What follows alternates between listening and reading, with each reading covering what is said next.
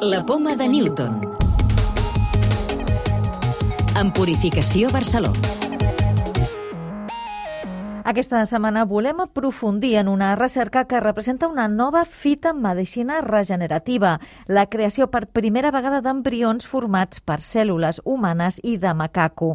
També descobrirem com la intel·ligència artificial pot ajudar a lluitar contra malalties reumàtiques i us parlarem del primer volt en un altre planeta. L'equip de l'investigador espanyol Juan Carlos Ispisua ha aconseguit 132 embrions d'humà i macaco, tres dels quals van sobreviure fins a 19 dies, moment en el qual es va aturar l'experiment.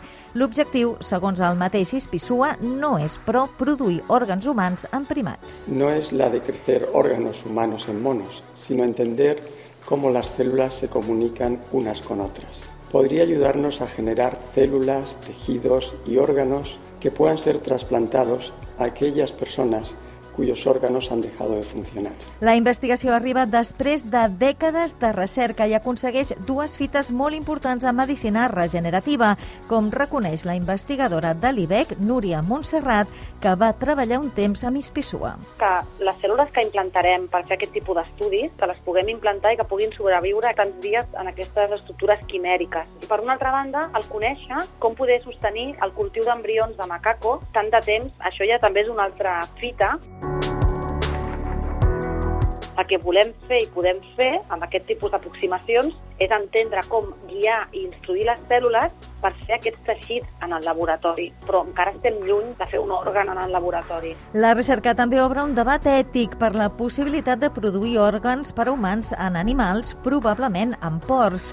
Manuel Serrano és cap del Laboratori de Plasticitat Celular i Malaltia de l'Institut de Recerca Biomèdica, que fa uns mesos va fer un experiment semblant amb la Universitat de Lió. Hay personas que les parece mal criar animales para comérnoslos y hay otros que les parece mal tener animales pa para crear órganos para personas que necesitan un órgano porque lo necesitan porque si no morirían. Es perfectamente entendible que esto genere un debate. Aquests investigadors defensen però que la ciència avança a petits passos i que la creació d'òrgans artificials encara està molt lluny. Més coses, la NASA fa història i aconsegueix per primera vegada fer volar un enginy mecànic en un altre planeta. El dron Ingenuity ha fet el primer vol d'aquest tipus a mar. La fita pot ser molt útil de cara a futures missions tripulades. Ho reconeix Antonio Rodríguez Manfredi, investigador de la missió Perseverance.